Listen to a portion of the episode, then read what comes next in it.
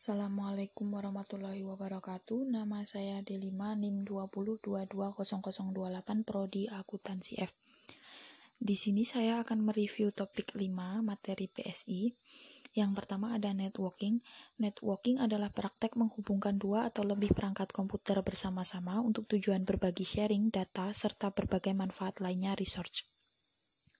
Jaringan networking dibangun dengan perangkat keras komputer hardware atau fisik, dan perangkat lunak komputer software atau logik.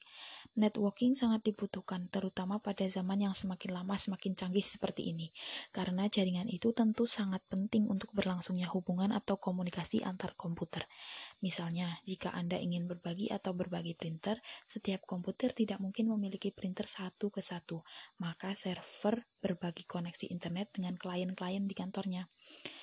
Kemudian ada communication. Pengertian dari communication sendiri adalah Komunikasi dapat dimaknai sebagai jalannya proses di mana seseorang maupun sekelompok orang menciptakan serta menggunakan sejumlah informasi agar saling terhubung dengan lingkungan sekitar. Secara umum, komunikasi dapat dilakukan secara verbal serta dapat dipahami oleh kedua belah pihak yang berkaitan. Komunikasi menurut para ahli di antaranya seperti yang disebutkan oleh Anwar Arifin, menurut arti komunikasi adalah jenis proses sosial yang erat kaitannya dengan aktivitas manusia serta akan pesan maupun perilaku.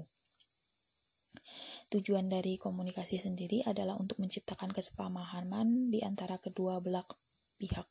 Fungsi dari komunikasi antara lain satu untuk menyampaikan informasi, dua sebagai penyampai pendapat agar dapat diterima oleh masyarakat luas atau yang berkaitan, yang ketiga sebagai bentuk interaksi dengan orang lain, yang keempat untuk menambah wawasan dan ilmu pengetahuan akan sesuatu hal.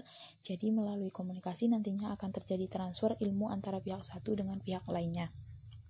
Yang kelima, ada pengisi waktu luang, misalnya dengan berbicara via telepon, chattingan, sosial media, video call, dan sebagainya.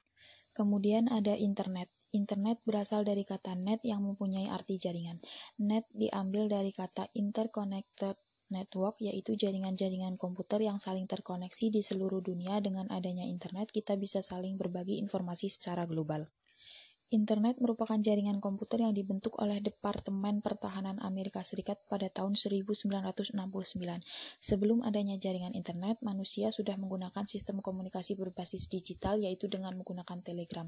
Telegram sendiri masuk pada abad ke-19 atau sekitar 100 tahun lebih sebelum internet digunakan. Pada tahun 1960, Click Reader memperkenalkan istilah man komputer simbiosis atau simbiosis komputer manusia dalam karya ilmiahnya.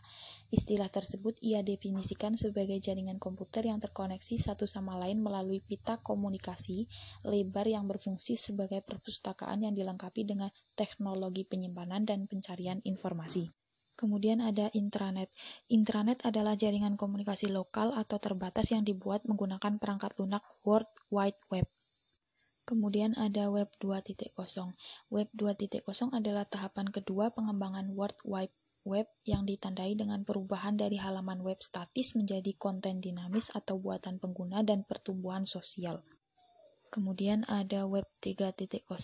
Web 3.0 adalah generasi ketiga dari layanan internet berbasis web. Konsep Web 3.0 pertama kali diperkenalkan pada tahun 2001 saat Tim Berners-Lee, penemu World Wide Web, menulis sebuah artikel ilmiah yang menggambarkan Web 3.0 sebagai sebuah sarana bagi mesin untuk membaca halaman-halaman web.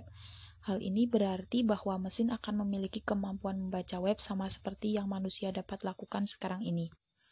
Web 3.0 berhubungan dengan konsep web semantik yang memungkinkan isi web dinikmati tidak hanya dalam bahasa asli pengguna tetapi juga dalam bentuk format yang bisa diakses oleh agen-agen software.